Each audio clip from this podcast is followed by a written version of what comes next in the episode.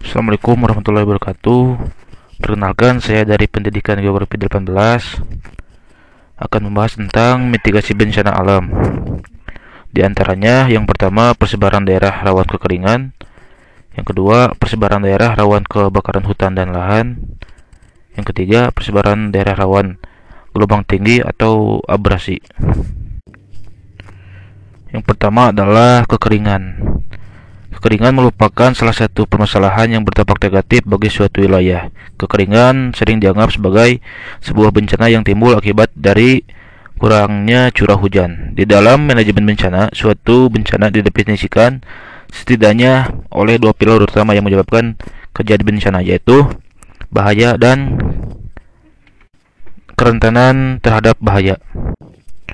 Bahaya sendiri adalah fenomena yang diakibatkan oleh oleh alam maupun fenomena akibat dari rekayasa buatan yang mengancam baik itu oleh kehidupan manusia, kerugian harta benda, dan atau kerusakan lingkungan.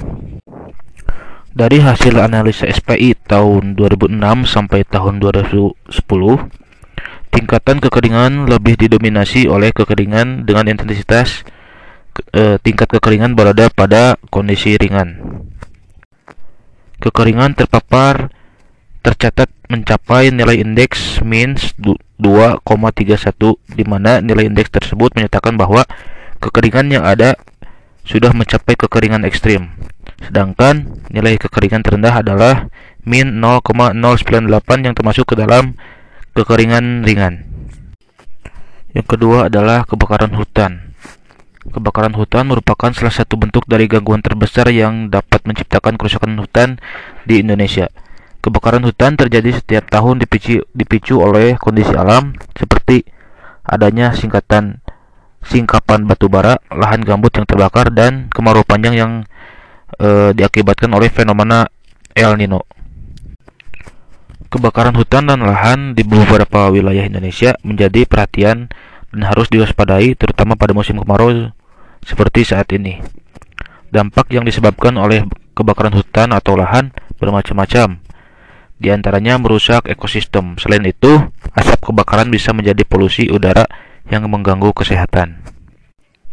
Badan Meteorologi, Klimatologi dan Geofisika atau BMKG memberikan informasi terkait beberapa daerah di Indonesia yang rentan terjadi kebakaran hutan dan lahan. Informasi ini disampaikan kepada Humas BMKG pada tahun 2018. Menurut BMKG ada 11 provinsi yang mempunyai jumlah titik panas yang berbeda di antaranya Aceh, Sumatera Utara, Riau, Jambi, Sumatera Selatan, Kepulauan Bangka Belitung, Sumatera Barat, Kalimantan Timur, Kalimantan Tengah, Kalimantan Selatan, dan Papua. Yang ketiga adalah persebaran daerah rawan gelombang tinggi atau abrasi.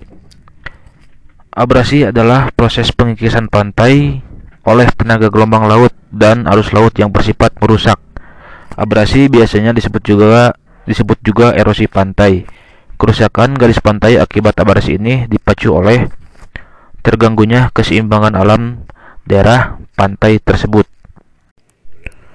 Abrasi dapat terjadi karena beberapa faktor antara lain faktor alam dan faktor ulah manusia. Contoh fenomena alam yang mengakibatkan terjadi abrasi adalah pasang surut air laut dan gelombang serta arus laut yang berpotensi menimbulkan kerusakan sebagai akibat dari angin yang kencang di atas lautan. Perlu diketahui juga bahwa hutan mangrove merupakan komponen utama pembentuk ekosistem pesisir yang penting bagi keselang keselangsungan ekosistem. Mangrove dapat menjadi pelindung alam alami tetapi akar yang kokoh dapat menahan sedimen dan medemen. Kekuatan gelombang air laut yang mengambil yang menghantam bibir pantai.